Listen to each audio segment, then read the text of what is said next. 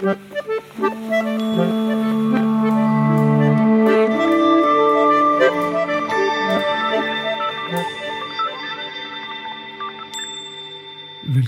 til podkasten Ytringsklima. Her snakker vi sammen om hvordan mennesker snakker sammen på jobb. Jeg heter Øyvind Kvalnes, er filosof og professor her på Handelshøyskolen BI. Gjest i dag er Laila Stange. Velkommen i studio, Laila. Tusen takk, Øyvind. Laila Stange ble jeg kjent med for mange år siden. Da var du i leders, ledelsen i Aschhaug. Og etter hvert så ble du leder for Universitetsforlaget. I dag jobber du som konsulent og som coach for ledere. Og det er to ting jeg håper vi kan snakke om som du og jeg har snakket om, og jeg syns du har spennende tanker. Og det ene er det med komplimenter på jobb. Kraften i et godt kompliment. Og det andre handler om aktiv lytting, som du, du er en veldig god aktiv lytter og har noen spennende erfaringer der. Så, men la oss starte med det. Det å gi komplimenter, det å si noe pent om et annet menneske. Hva er det som er så flott med, med komplimenter, tenker du? Ja, jeg tror jeg bare skal begynne med å, å, si at det er jo alltid litt sånn diskusjoner når vi snakker om dette med, med anerkjennende feedback og komplimenter.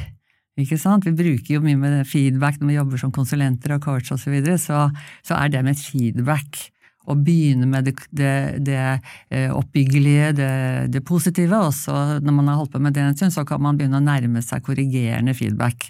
Det betyr at man må øve seg på å gi andre anerkjennelse og uttrykke det. Og da kommer ofte den kommentaren opp, altså er det det samme som komplimenter? Det er akkurat som om folk tror at komplimenter det er noe sånn selskapslivet for det sosiale mest aktuelt for kvinner, liksom. Eh, Komplimenter for den fine kjolen ja, eller et eller annet sånt. Og fin på håret ny leppestift og, og, sånn. Så det ordet komplimenter, det har en sånn litt sånn Det er ikke så relevant for menn. De, de får kritikk for at de ikke gir nok komplimenter, og da vil de i hvert fall ikke gjøre det. Ikke sant? Det er på bestilling. Nettopp. Og det vil nemlig ikke kona ha. Nei. Det skal ikke være på bestilling. Det skal komme. være ekte. Det skal være ekte, ja. ja. Så derfor så, Da du sa det med komplimenter, så tenkte jeg ja, men det, vi kan godt bruke det ordet. Det er helt fint. Men jeg tenker nok eh, kanskje mer på hva er det for at et kompliment skal oppfattes som ekte og også bli tatt imot sånn som du ønsker, da. Du sier det jo ikke bare for å bli populær eller godt likt eller noe. Da blir det med en gang avslørt. Men et ordentlig godt kompliment, det kommer fra hjertet eller fra hjernen, alt ettersom hva du velger å bruke. Det er jo alt foregår i hjernen. Jeg har lyst til å uttrykke noe anerkjennende til den personen. Og da må man jo være litt sånn som en sånn litt sånn sporhund. Lete etter Sniff, sniff. Der begynner jeg å nærme meg et område. Hva er det ved den personen som gjør at det skjer noe med meg? Sånn at du kan uttrykke noe ekte. Og da har jeg funnet på et lite knep. Ja, for... ja, og jeg er jo gammel lærer, og jeg liker godt å gjøre ting litt enkle for at du skal huske ting. Og da har jeg funnet på noe som jeg kaller Lailas tre i-er. Eller Lailas egentlig fire i-er, men det er de tre i-ene som kommer først, som er viktigst. Og det er når du skal tenke gjennom hva er det du liker ved en person. Hva er det ved den personen som er interessant? Hva er det ved den personen som er inspirerende? Og eller hva er det ved den personen som er imponerende? Så hvis du på en måte tenker på de tre i-ene, bør ikke bruke de ordene, da dukker det opp ord som gjør det så lett å si noe. Det er jo eh, veldig konkret og spennende, da. Ja. For dette går det an å ta i bruk med en gang. Med en gang. Ja. De tre i-ene. De tre i-ene, og så er det én i Jeg bruker flippover, da. holder på og tegner og sånn, ikke sant? Ja. Under de tre i-ene som jeg skriver opp, du kan si det på engelsk også, interesting, inspiring, uh, Impressive. im- uh, altså imp impressing, yes, yes. Mm. Under there, under der, irriterende. Fordi vi er så veldig flinke til å finne ting som er irriterende hos andre. Det kommer jo så lett som en fjær. Men de, det å og, og alle kan finne noe som er minst én av de tre i-ene hos en annen person. Så spennende. Det minner meg om noe som min kollega Arne Karlsen kaller for å trene opp det anerkjennende blikket. Nettopp. For du må styre blikket. Du må styre blikket, og Ja. du må styre hjernen. Ja. Du må Nettopp. trene opp hjernen, Ja. og det, da ligger det en intensjon bak. Ja. La oss si 'jeg vil gjerne være en sånn person', Mm. som er i stand til å uttrykke, gi kompliment, uttrykke anerkjennelse fra et ekte sted. Nettopp. For da blir det oppfattet som ekte, selv om andre syns det er vanskelig å motta. Det er jo et annet tema, da. Det kommer vi kanskje inn på. Men eh, du og jeg hadde en prat for to uker siden hvor vi skulle planlegge denne samtalen her. Og det som jeg tenkte på etterpå, var at eh, Laila er skikkelig god til å gi komplimenter. Ja, Jeg syns du. underveis, vi snakket sammen i et par timer, og du flere ganger underveis så kom du med små stikk. Positive stikk. Positive stikk. Det er et godt uttrykk. Positive stikk. Ja, for det var stikk. Det var liksom, det rykket meg litt ut. Og og det, da tror jeg du rett og slett levde etter ditt eget Mm. program, da, med å se etter det som er interessant, Mm.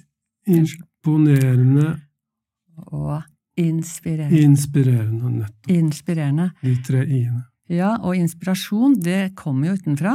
Ja. Puste inni, ikke sant? Sånn at det, du er jo avhengig av å la deg inspirere av andre for å bli inspirert.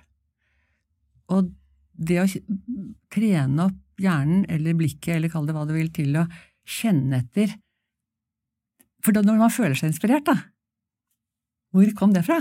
Og hva var det? Da plutselig kommer jo den kilden opp som et ord når du sa det, eller det, måten du sier det på, det har jeg aldri tenkt på før. Og jeg vil ikke si 'å, nå ble jeg så inspirert'. Det, for da blir det på en måte litt sånn kunstig. Mm. Ja, så dette er sånn støtte for tanken, Ja. for å finne de kildene, da. Ja, Det er veldig spennende, for jeg tror at eh, mange kan ha en intensjon om å trene opp det anerkjennende blikket. Du kan ha en intensjon om å si positive ting til den du er sammen med. Mm. Eh, Og kanskje oppleve at jeg pleier å være litt for tilbakeholdende. Jeg ønsker å bli litt rausere med å påpeke og anerkjenne. Og så kan disse i-ene dine være med på å konkretisere det enda mer, så det tar det et skritt videre. Det syns jeg er veldig fint. Jeg kom på nå bare, jeg hadde bare lyst til å si én ting. Ja. Jeg var på et sånn mindfulness-kurs, jeg holdt på litt med det også, og der var vi i Cambridge på et sånt seminar. Og jeg trodde det skulle være sånn for coacher og litt sånn duftlys og litt sånn type kurs, men der stilte det opp en haug med hjerneforskere, og de var sånne ah, virkelig gutta fra Cambridge, altså. Sånne neurotyper. Og de var veldig opptatt av hjernens eh, eh, evne og avhengighet av å oppfatte anerkjennelse. For i akademiet så er det veldig sånn nei, jeg trenger ikke anerkjennelse, jeg vet hva jeg er god for, og vi driver ikke og gir ros, og det driver vi ikke med her hos oss, liksom. Det var kanskje litt i den sammenhengen, og da så vi sånne hjerneskanninger uh, hvor de mest, hva skal jeg si, toppgutta, de som hadde påstått at de ikke lot seg påvirke av anerkjennelse i det hele tatt, de gjerne skulle sett hva som skjedde i hjernen deres når de fikk et, en anerkjennelse fra en som de virkelig stolte på. Og det var sånn når du sier et stikk. Du skulle sett. Det lyste opp. Det var et eller annet sted i hjernen hvor det er anerkjennelsessenteret. Smukk opp. Og når du sa stikk, så syntes jeg det var veldig interessant, for det var antageligvis akkurat det som skjedde med dem. Og da fikk Fifa en litt annen låt. Resten av det seminaret Alle trenger anerkjennelse. Komplimenter, som du sier. Jeg husker at jeg en gang kjøpte to komplimenter på Karl Johan. Okay.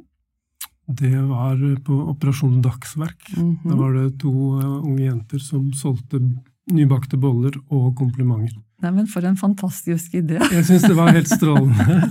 Så det var jo eh, Jeg kjøpte to komplimenter og to boller.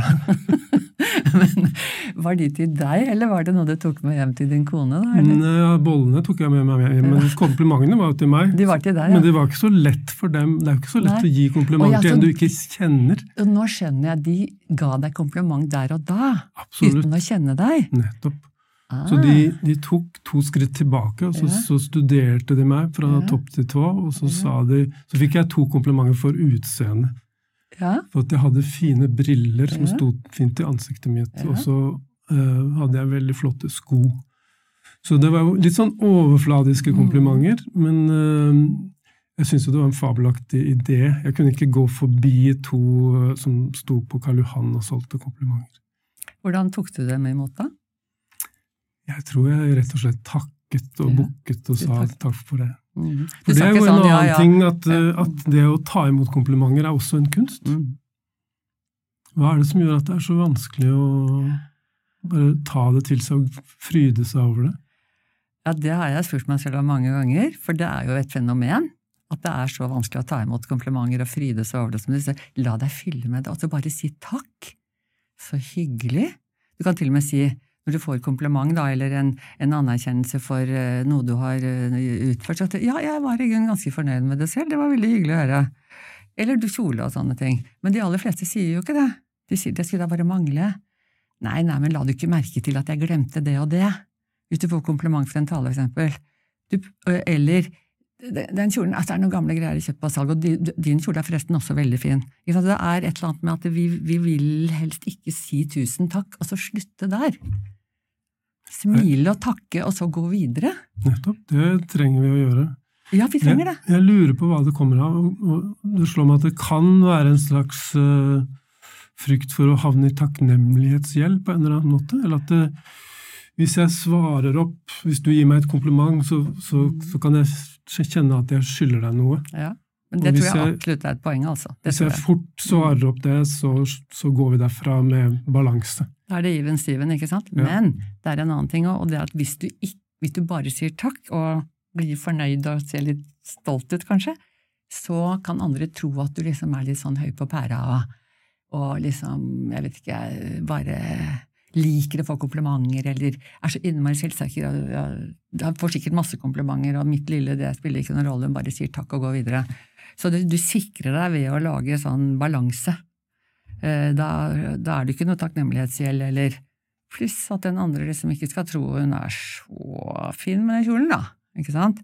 Det er kanskje litt sånn, skal ikke tro jeg skryter og er så innmari god smak, eller er så kjempeflink til å holde taler og ikke på med at ja, men det er ikke perfekt, og jeg gjorde jo feil, og det er noen gamle greier jeg fant i skapet og sånn, for da blir det liksom ikke sånn sikkert og selvsikkert, da.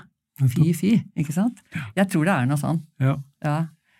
Så, Det er jo jeg- greit å jeg- prøve å finne ut mer om det, og finne årsakene Ja. til at, eh, Mm. at det er sånn, og kjenne det igjen i seg selv, på en måte. Absolutt, og jeg tror, eh, siden vi snakket om det, at det holder vi på mye vi øver jo folk i dette, da, trener dem, og eh, jeg fortalte deg at en kollega og jeg hadde hatt sånn kurs i å ta imot komplimenter eller positiv feedback, og det trenger folk å øve på, og da får de beskjed, ikke si noe annet enn takk og smil, og gå videre. Og da kan det godt være fine briller og det du sa og sånn, og det er så vanskelig å ikke balansere det ut. Så det trenger man å trene på, fordi hvis du ikke ordentlig tar inn kompliment og kjenner etter, så er det akkurat som du spytter ut en gave. Du får jo ikke nyttiggjort deg komplimentet, da, og glede deg over det. Det ligger jo så mye energi og glede i å ordentlig ta det inn og tro på det og tenke hm, ja, så det er, jeg er veldig opptatt av det, og jeg vet ikke om nordmenn er spesielt sjenerte for sånt, om det er en kulturting, og jeg vil ikke bli sånn American og awesome og thank you og skryt og alt det der. Så jeg vet ikke. Det er Den mest bisarre episoden jeg har vært borti, er da jeg var på vei ut av en kirke sammen med min kone. Vi hadde vært i bryllup. Og da, vi, da sto brudeparet i døråpningen og hilste på alle gjestene, ikke sant? Og min kone ga kompliment både til bruden og brudgommen.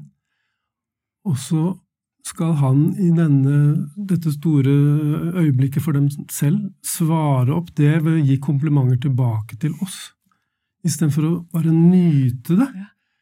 Eh, Så jeg syns det var så underlig at selv i en sånn situasjon så kan en annen person, en mottaker av komplimentet, tenke at dette må jeg svare opp så fort jeg kan.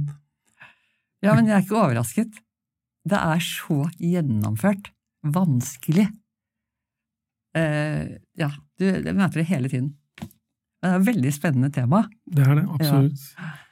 Jeg har også tenkt på det at eh, det kan være en forskjell mellom det å være en person som strør om seg med på komplimenter, øst og vest, hver dag, til å være en som holder litt igjen, men når komplimentet først kommer, så smeller det skikkelig.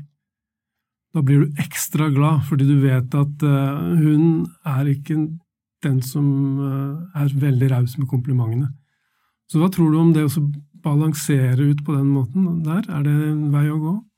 Ja, jeg, jeg er tilbake til de, fire, de tre i-ene. At eh, et, en anerkjennelse, da, eller et kompliment, bør og skal på en eller annen måte komme fra en kilde av noe ekte.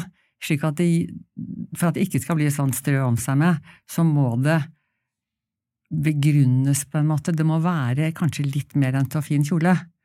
Ikke sant? Det kler deg fordi sånn eller sånn. Eller altså, du, du begrunner det. Eller eh, det samme gjelder for eksempel hvis noen har gjort en bra innsats, holdt en fin tale, eh, tatt ordet i en forsamling hvor det var litt skummelt. Altså, det gjorde noe med meg. Impacten på meg, da, for å bruke et godt norsk ord, det var akkurat det. Det trenger ikke være noe lang setning. Sånn at det, det kommer fra en ekte kilde. Eh, eh, Da er det ikke strø om seg. Mens stilig kjole det, det kan lett bli litt sånn som ekstroverte driver mer med enn introvert og sånt. Det tror, jeg- jeg tror det er veldig forskjell på det. Det er vel kanskje det du sikter til. Eh, Men, men eh, når det er sagt, så er det mye mer den typen anerkjennelse som jeg er opptatt av, som kan, folk kan være litt rausere med. Absolutt. Men da må den intensjonen som du var inne på i stad, være der. Ja. Ikke fordi jeg skal være en sånn person som er innmari flink til å gi anerkjennelse, men fordi det er så berikende å få satt ord på det. Nettopp. For det er jo rundt oss. Og for eksempel en som man er veldig imponert over. Så fint å si det. Det er jo det. Ja, det er det.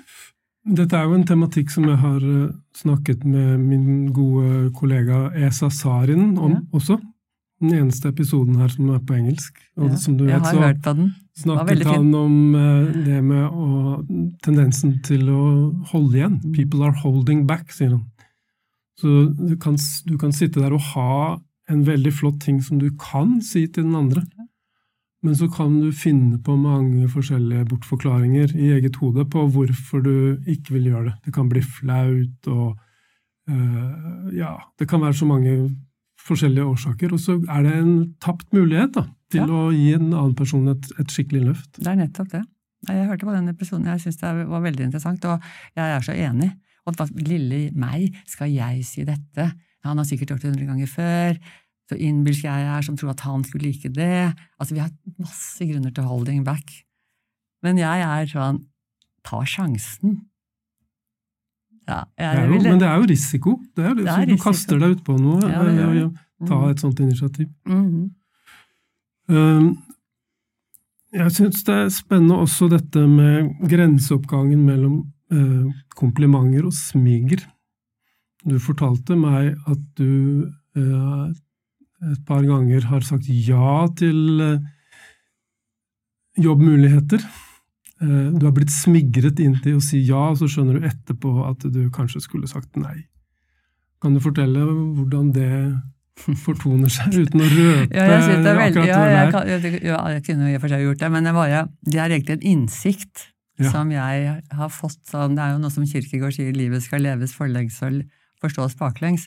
Og jeg, jeg har tenkt på noen helt konkrete situasjoner hvor jeg valgte eh, et, et jobb, eh, eller en, et jobbskifte kanskje, ut fra smigger, som jeg har skjønt etterpå var smigger, jeg tenkte jo ikke på det da, men den smiggeren som jeg da har eh, falt for, og som sikkert på en måte var pakket inn på en eller annen måte anerkjennelsesmåte sånn, da, men den er av typen sånn det er bare du som kan gjøre dette. Nå, Det er sånn Red Adair, husker du han brønndreperen ute i Nordsjøen? Sånn, nå står det på deg. Du, du må gjøre det. Uh, og, og, da er det lett å tenke oi, jeg liksom så viktig, da må jeg jo si ja. Fordi at uh, det er så viktig, det hadde ikke jeg tenkt på, liksom. Og det jeg, jeg tror at er, roten til dette ligger egentlig litt sånn bak i, i min barndom, for min, min, far pleide å bruke det, er eldst av seks barn. Og han, var, og han, var, min store helt, og han var en viktig person for meg. Han sa Laila, nå, nå stoler jeg på deg. Nå er det så mye som foregår her, og nå må du, nå skal vi på ski, og vi skal sånn, og ikke noe tull og tøys her nå, nå, nå stoler jeg på deg. Og det jeg tror at det når jeg får den, noen trykker på den knappen, ja. smiggerknappen mm -hmm. Plussknappen? Plussknappen, ja. Men med en litt sånn eh, Da Yes! Da melder jeg meg til tjeneste. Uten å tenke gjennom eh, er dette i min interesse, hva er mitt mål egentlig? Går det an å si nei? Kan jeg sjekke ut mer? Ja, En sånn litt automatisk ja. Og jeg er veldig opptatt av dette med å skille mellom gode ja og gode nei i forhold til en, et mål eller et, en oppgave, et dilemma kanskje, og dårlige ja og dårlige nei. Dårlig ja er sånn type smigger-ja. Ja, det hender at jeg, eh, jeg syns det er interessant hvordan studenter tar imot dette temaet. Ja, ja. Jeg uh, har uh, erfaring med å undervise rundt dette her, og så har det hendt at jeg har sagt til studenter at uh, veldig personlig at uh, komplimenter de gjør meg myk og føyelig. Så når jeg har fått et kompliment, da er det lett å få meg til å si ja, eller være positivt innstilt. Ja. Og så ser jeg at studentene sitter og noterer, ja. og jeg tror det de skriver er Øyvind blir føyelig og myk når han får komplimenter. Så går det noen uker, og så er det rett før eksamen, og så får, kommer komplimentene i et kjør. Så jeg tror de prøver å instrumentalisere det på en måte, og mm. tenke at uh, her har vi noe på Øyvind som vi kan uh, ha nytte av senere. Jeg tror at en sånn innsikt er veldig nyttig, for du vet ofte når noen skal ha deg til å gjøre noe, Enten det er å ta på deg et oppdrag, et prosjekt, kanskje på jobben, og, og det sa den i forhold til denne kjernekvadranten som jeg jobber mye med, hvor du har dine styrker og kvaliteter osv., og, så videre, og så sier kanskje den andre du er jo så flink til dette. Du får alltid til sånn og sånn. Du som er så effektiv. Du klarer du den, så klarer du den. Nå har vi ingen andre å stole på her. Nå, altså, ikke sant, Bør ikke si så mye mer enn det, så Så sier du ja, og det kaller jeg en sånn litt lure bruk av anerkjennelse. Og det kan godt hete smiger, og smiger er ikke noe Det er, ikke, det er eh, luring, egentlig. Det er vanskelig å avgrense de tingene der. Ja, det er det. det absolutt. Det. Så det, det krever jo litt selvinnsikt. Ja. Det som jeg har brukt som, eh, som knagger på det også, er at eh, hvis en, noen henvender seg til meg med en forespørsel, så liker jeg å tenke ordentlig gjennom det. Uh, hvis jeg får et kompliment, og så kommer forespørselen, så er jeg bak ofte kjapp til å si ja. Så det Gjett om jeg kjenner meg igjen. ikke sant? Men det som, jeg, jeg, det som faglige knaggen jeg satt på det, da, det er mm. Kahnemann sitt skille mellom system 1 og system 2. Mm. System 1 er da tar du impulsive beslutninger.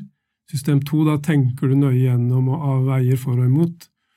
Men akkurat som om et, eh, et, et eh, treffende kompliment kan switche meg over fra system 1 til system 2. Mm. Nei, fra system 2 til system 1, ja, mener jeg selvfølgelig. Mm. Så der, eh, der, er det jo også noe å være oppmerksom på. Veldig, og, eh, og, jeg har jo holdt på med sånn hjernebasert coaching eh, og sånn, og, og, og ser veldig tydelig behovet for å Og det lærer jeg bort også når vi holder på med disse tingene. Veldig, veldig sentralt i coaching veldig ofte. Det med å ikke si ja så fort. Ikke sant? tenke stopp, særlig hvis du er av den impulsive sorten.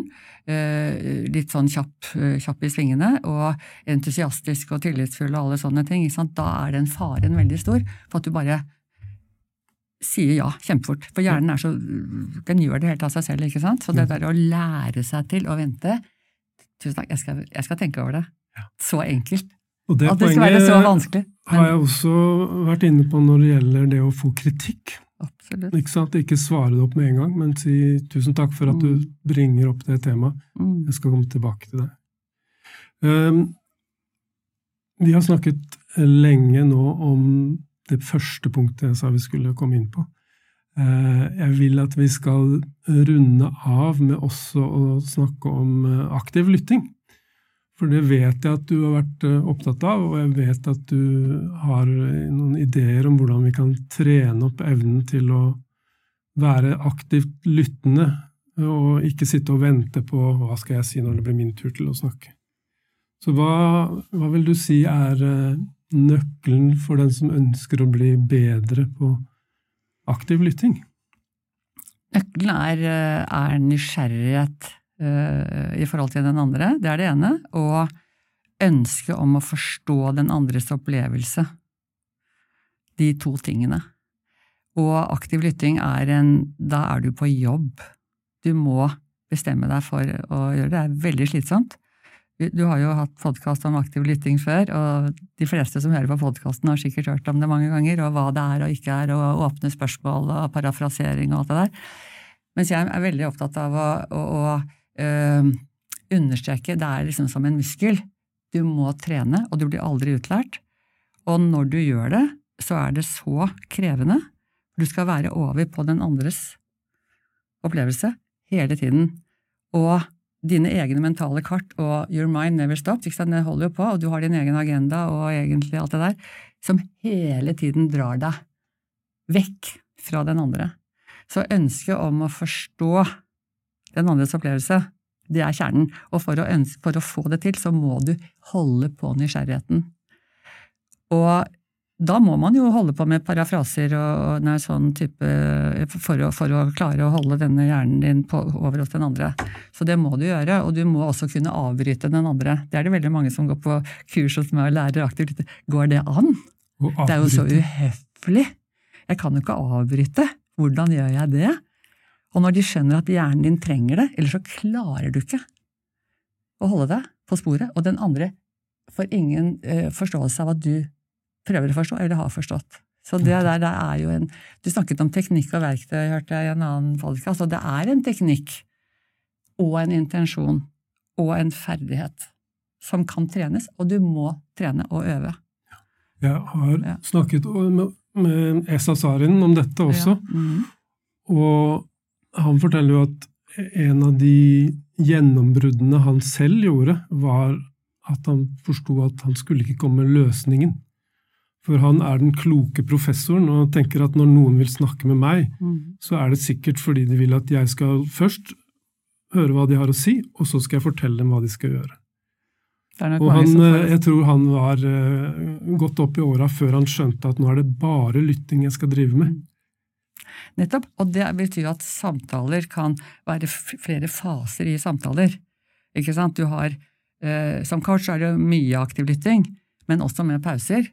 For, men, men, i en leder- og medarbeidersamtaler eller mellom kolleger så, så, er det aktiv lytting et stykke, og så kanskje en pause, og så, hvis tid, og målet med samtalen er noe med noen avklaringer og beslutninger og så videre, så er vi over på noe helt annet. En annen samtaleform. Dialog, eller kall det hva du vil. Så jeg, jeg er veldig opptatt av det der at uh, du kan ikke være aktiv lytter hele tiden. Det går ikke. Men jeg har også lyst til å si jeg jobber mye med døve og hørselshemmede.